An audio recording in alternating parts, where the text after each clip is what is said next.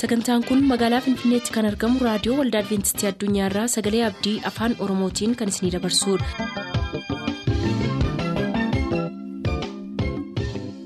harka fuuni attam jirtu hordoftoota sagantaa keenyaa ayyaanniif nagaan waaqayyoo hunduma keessaniif haa baay'atu jechaa sagantaa keenyaarraa jalatti qabanne kan dhiyaannu sagantaa dargaggootaaf sagalee waaqayyoo ta'a dursa sagantaa dargaggootaatii nu hordofa.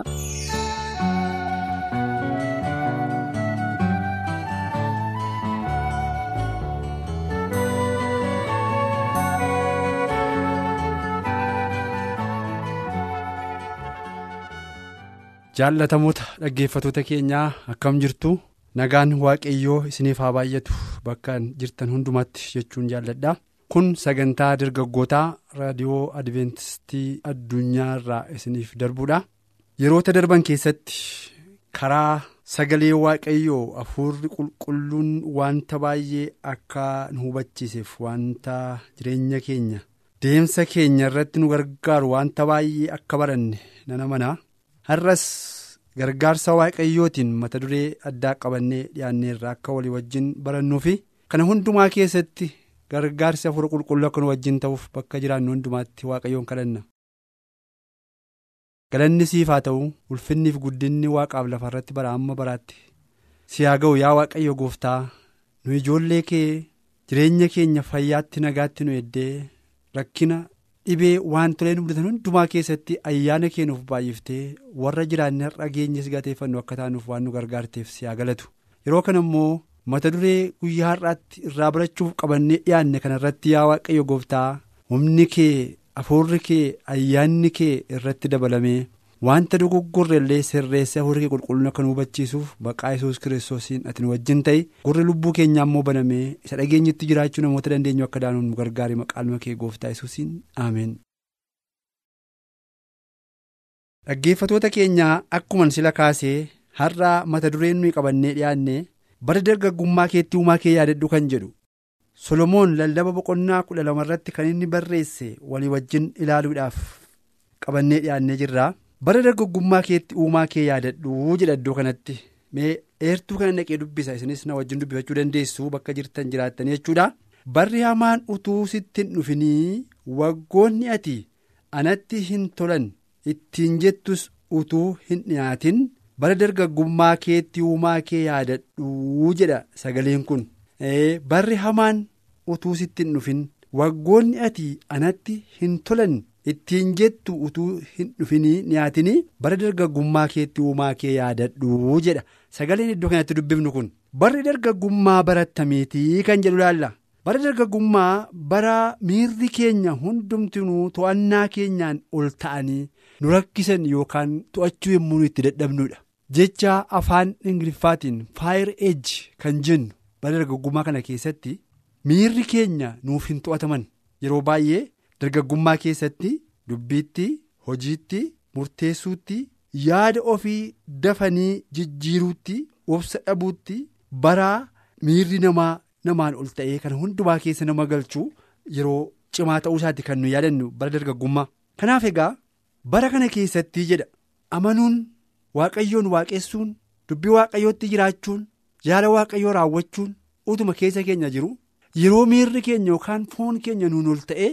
Iddoo jirru immoo ariifachiisee nu baasee iddoo biraa keessa immoo akka nuyi gallu haala biraa keessa immoo akka nuyi gallu yeroon illee nu godhu jiraachuu danda'a. Sababiin isaa dargaggeessi dubbiitti na ariifataa nyaatatti na ariifataa dafee murteessuutti na ariifataa isa murteesse immoo dafee kaasuutti na ariifataa jireenyi dargaggummaa jireenya baay'ee yeroo cimaaf sodaachisaa namni humnaaf beekumsaatiin keessa darbuu hin dandeenye kana keessatti uumaa kee yaadadhu jedha solomoon. Uumaa kee yaadadhu jedha. Maaliif uumaa kee yaadadhu jedhe.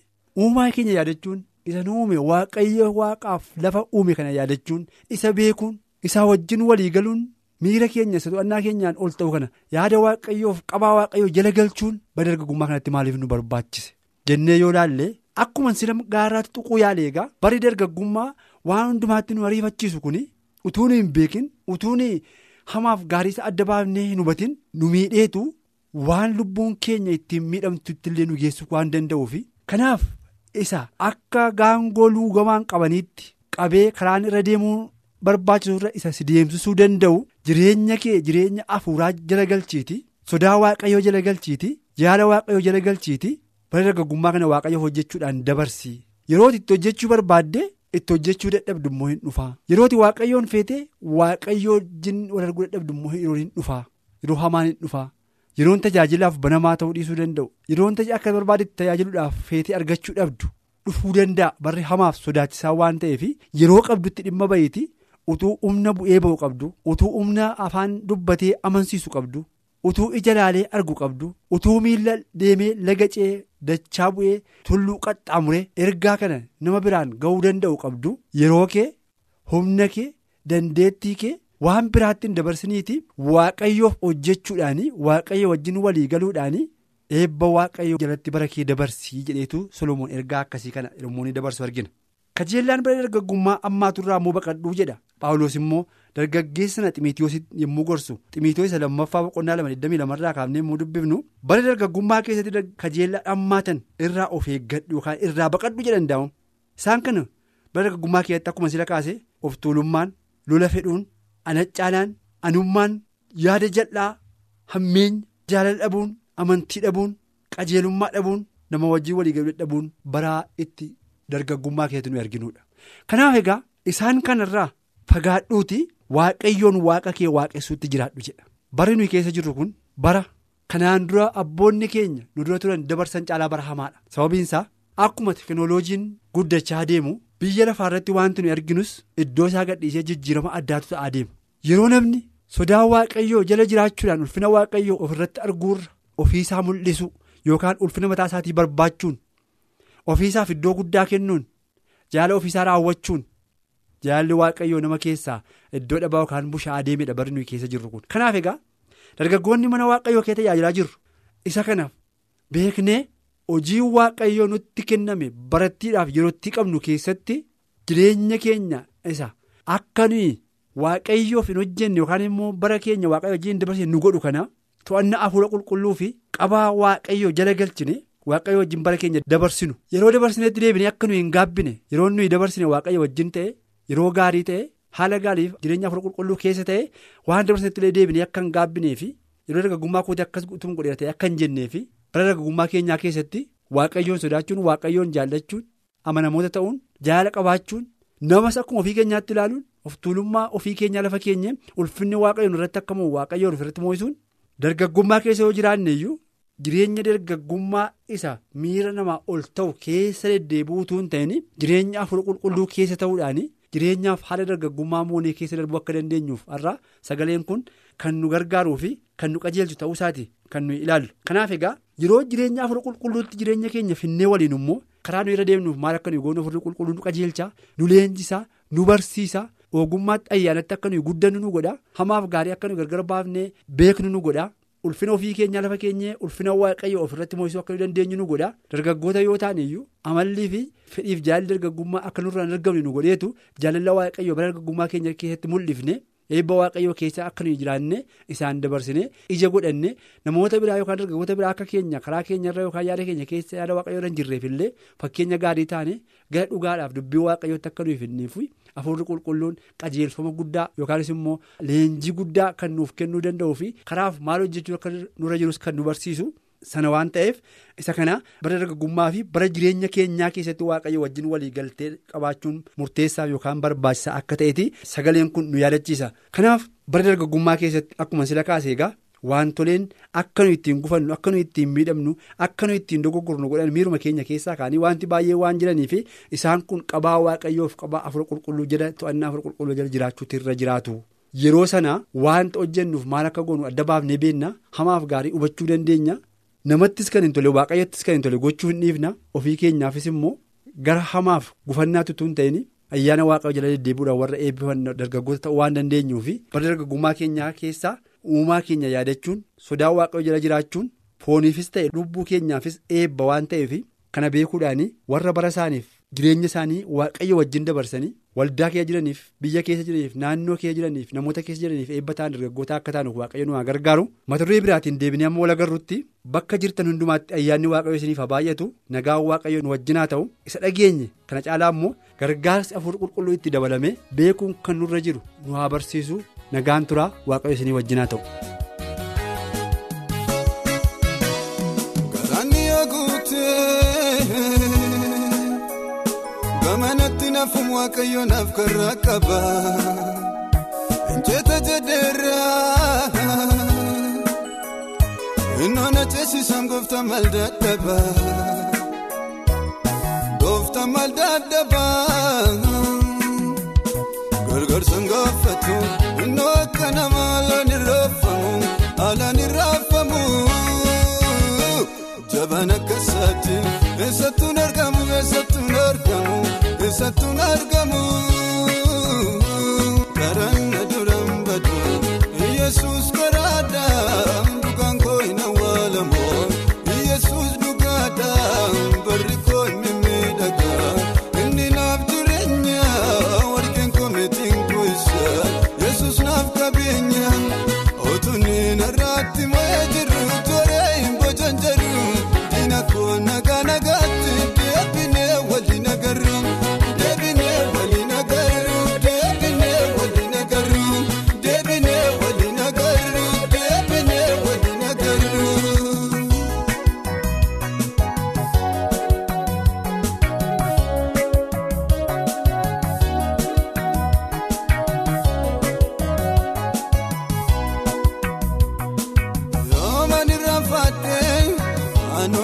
anoon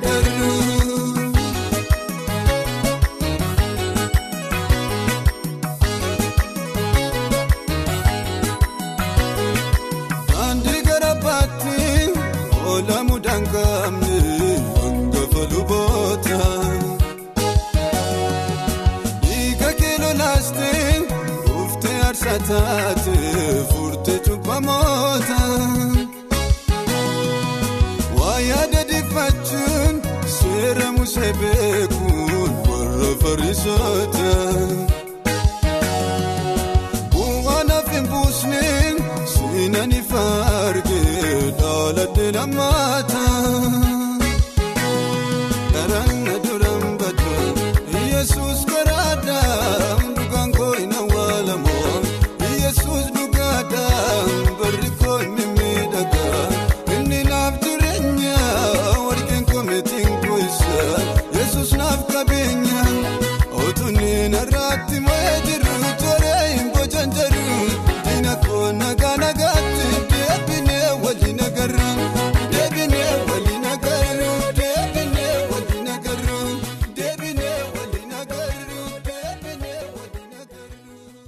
Turtanii reediyoo keessan kan banatan kun raadiyoo adventistii addunyaa sagalee abdiiti. Kanatti aansee sagalee waaqayyootti isiniif dhiyaata nu waliin tura.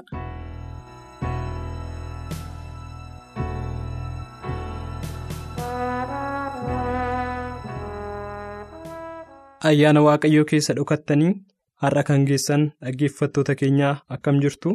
Waaqanaanis isiininis dheegee lubbuu keenyaaf kan barbaachisu guyyaa guyyaadhaan nuuf kennuudhaatiin har'aan nu ga'eef abbaa keenya baay'isnee galateeffannaa guddaas itti gammanna har'as abbaan keenya ergaasaa qabatee waan dhiyaateef nu barsiisuudhaatiif nu waliin waan jiruutiif baay'isnee isa galateeffanna dhaggeeffattoota torban sadan darbeetiif waliin ilaalaa kan turre mata duree yesus michuu gaarii kan jedhu akka ta'e ni yaadattu jedheetaniin abdanna. Gooftaa yesus kristos michuu gaarii akka inni ta'e seenaa sadii keessatti waliin ilaalleerra. Michuu namoonni kamiyyuu gochuu hin dandeenye kristos bichaan kan inni hoolota isaatiif raawwachuu danda'u seenaa gurguddaa sadii waliin ilaalleerra. Isa jalqaba irratti namni kamiyyuu fayyisuu kan hin dandeenye firootaaf namoota isaa maatii isaa hundumaarraatii kan adda isa baasee dhukkuba lamxii irraatii gooftaa yesus kiristoos yeroo namicha tokko fayyisa ilaalleerra. Inni lammaffaan dhaloota isaarraatiin kan ka'e dhagni isaa gar tokkoon kan du'e du'aaf jireenya gidduu kan jiru gooftaa yesus kiristoos yeroo inni isa fayyisee michuu gaarii ta'uusaa yeroo inni calaqqisiise ilaalleerra. Torbee darbee immoo haala addaatiin nuyi gatiin keenya hammam akka ta'e hammam gatii jabeessota akka taane hammam gatii akka baafnu sagalee waaqayyoo nutti dubbateera. Har'as sagalee waaqayyoo keessatti waliin kan ilaallu mata durii kana jalatti yesus michuu gaarii gooftaa yesus kiristoos bartoota isaatiin michuu gaarii akka inni ta'e seenaa akkamii akka isaaniif raawwate wangeela yohannis boqonnaa 21 keessaa deemnee waliin dubbifannaa ammallee gooftaan akka nutti dubbatuutiif kadhata gabaabaasaa godhan. Jaalala bara baraan kan nu jaallattee otoo nu sun barbaadiin kan nu barbaaddee otoo nu sun jaallatiinis finyoo jaalala keetiin ofitti kan nu hiitee kan nu harkifte abbaa keenyaa isa nu gootee olmaa kee jechoota keenyaatiin himnee fixuu isa hin dandeenye hundumaatiif guddaa si galateeffannaa galan dabarresiif haa ta'u abbaa ammallee sirraa baruu feenaa adara gooftaa yesus hafuurri kee qulqulluun nattis obboloota keenya hundumaatti dhaggeeffattoota hundumaatti akka dubbattu adaraa sagalee kee hubachuun kan nurra jiraatu akka nu barsiiftu si kadhanna jaalala kee haa ta'u ittiin jiraachuu akka dandeenyuufis ayyaana kee nuuf baay'isii maqaan makii gooftaa yesuusiin aameen. seenaa har'aa keessatti wal wajjiniin kan nuti ilaallu.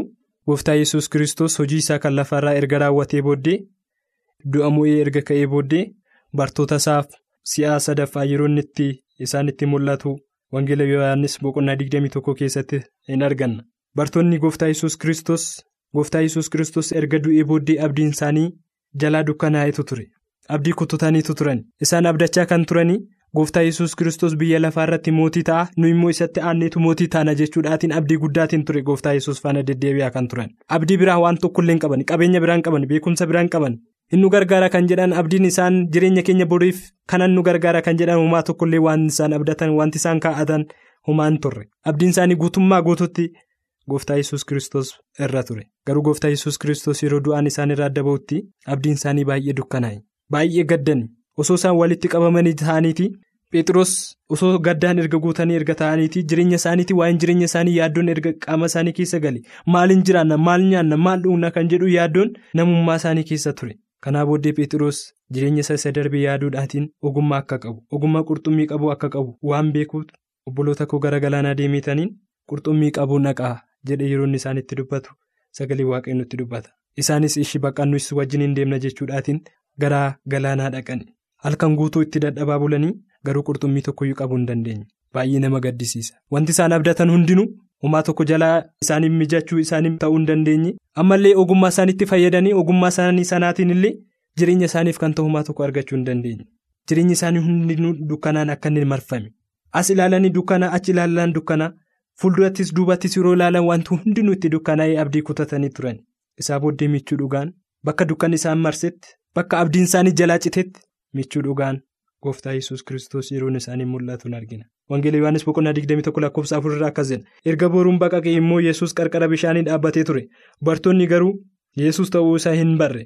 Yesus yommus ijoollee qurxummii waa'oo biraa hin qabdanii isaaniin jedhe. Isaan immoo waa'oo jedhanii deebisaniif. Inni immoo bidiricha bukkee gara mirgaatiin kiyyoo darbadhaa hin argattus isaaniin jedhe. Isaanis kiyyicha darbatanii baay'ina qurxummii irraan kan ka'es isa harkisuu dadhaban jedha. Isaan kun halkan guutuu erga itti dadhabaa erga bulanii booddee humaa erga qabu dadhabaniiti gooftaa yesus kiristoos yeroon isaanii mul'atu argina.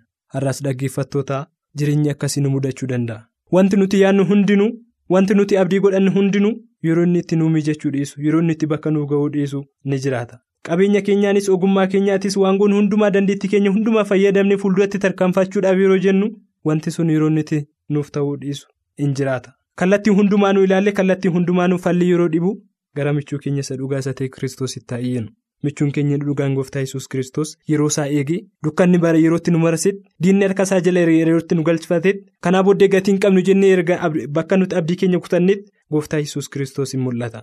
kanaaf gooftaa yesus kiristoos isaanitti mul'achuudhaatiin ijoollee nanaa qurxummii waan nyaatamuu hin qabdanii jedhee isaan gaafate gooftaa yesus kiristoos maaliif laata kan inni isaan gaafate. gooftaa yesus kiristoos dhuguma beela'eetu qurxummii isaanirraa barbaadeetu nyaata kana isaanirraa argachuu barbaadeetudha kan inni isaan gaafate? Kanaaf miti.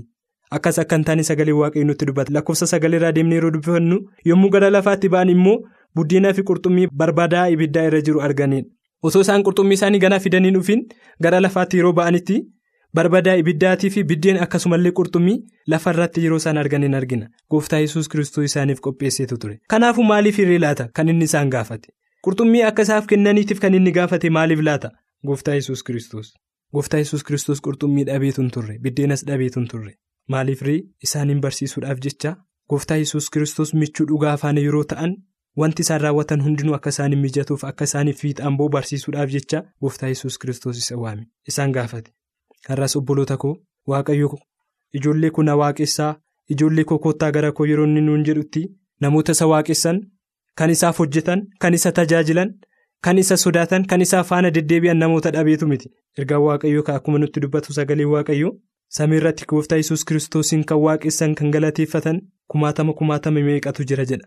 Kanaatiifuu har'a kanaafuu maaliif laata gooftaa yesus kiristoos akka nuti isa faana jiraannu akka nuti gara isaa dhumnu ba'aa keenya akka nuti isatti kennannu akka nuti isa tajaajillu akka nuti isa waaqeffannuuti waamichi yeroo inni nu dhiyeessutti faayidaa mataa isaa miti nuti isa waaqessinus waaqessuu dhiisnus nuyi gara isaa dhumnus gara isaa dhufuu dhiisnus nuyi akka fayyisaa dhuunfaa keenyatti isa fudhannus isa fudhachuu dhiibnus gooftaa yesus kiristoositti wanti irrattu tokkollee hin jiru garuu yoo nuti isa kana raawwanne gammachuu guddaan keessa isaa bula.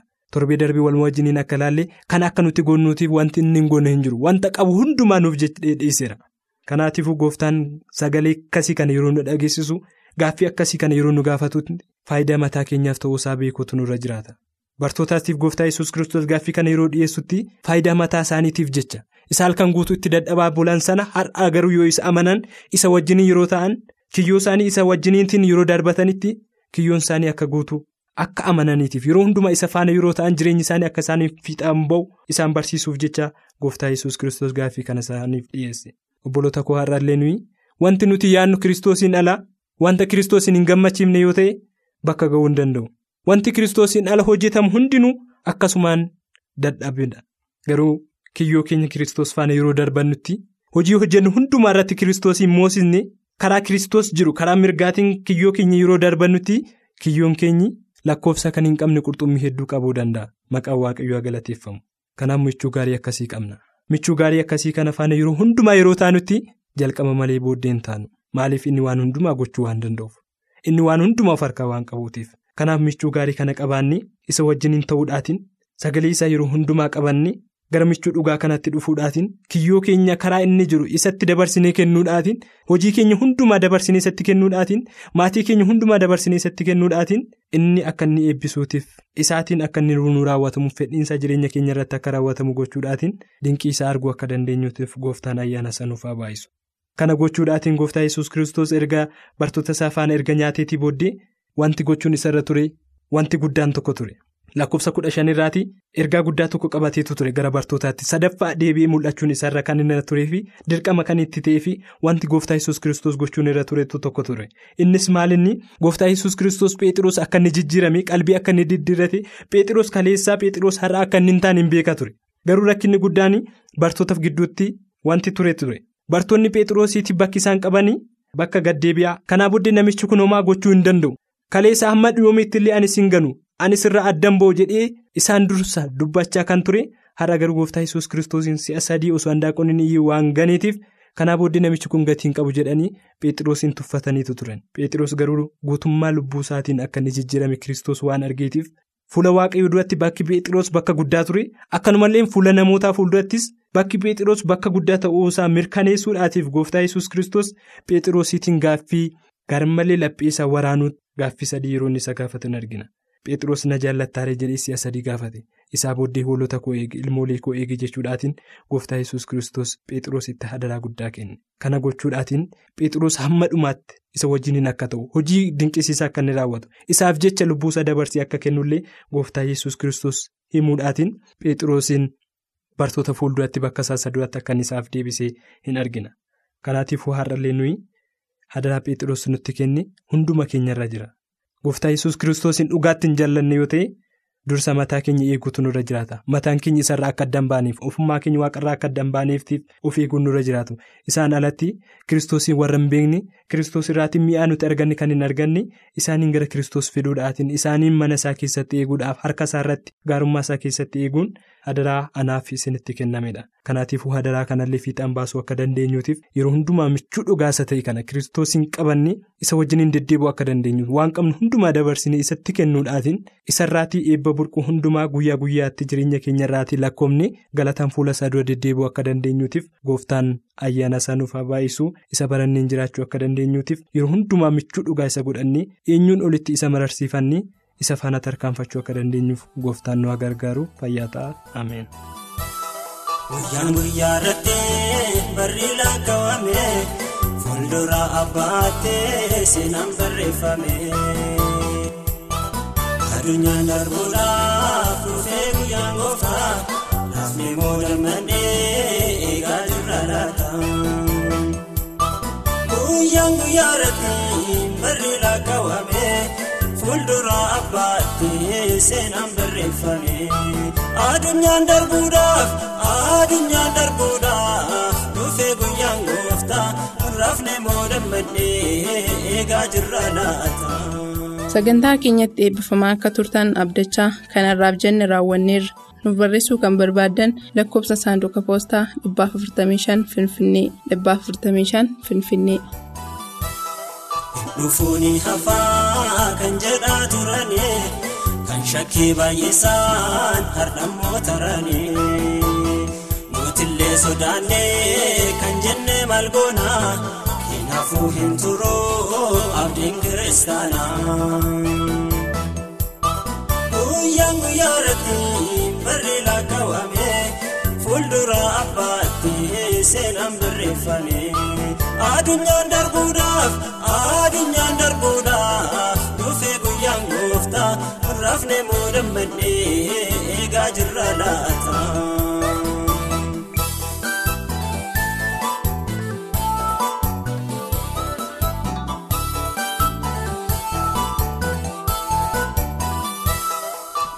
Jaallateetii miti gooftaan ni obseera akka nu deebinuuf yeroo nuuf kenneera.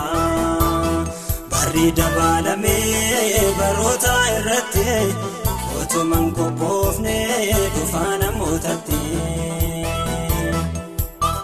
Guyyaan guyyaa irratti barri lakkaawame fuuldura abbaattee seenaan barreeffame.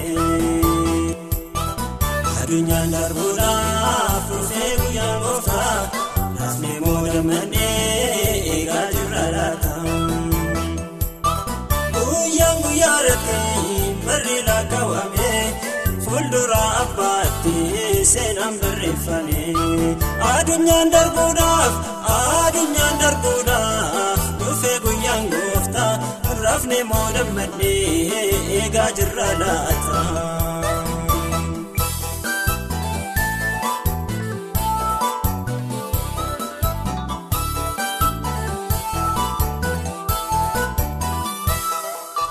Dhufuuni hafaa kan jedhaa turani kan shakkii baay'isaan hardhammoo tarani.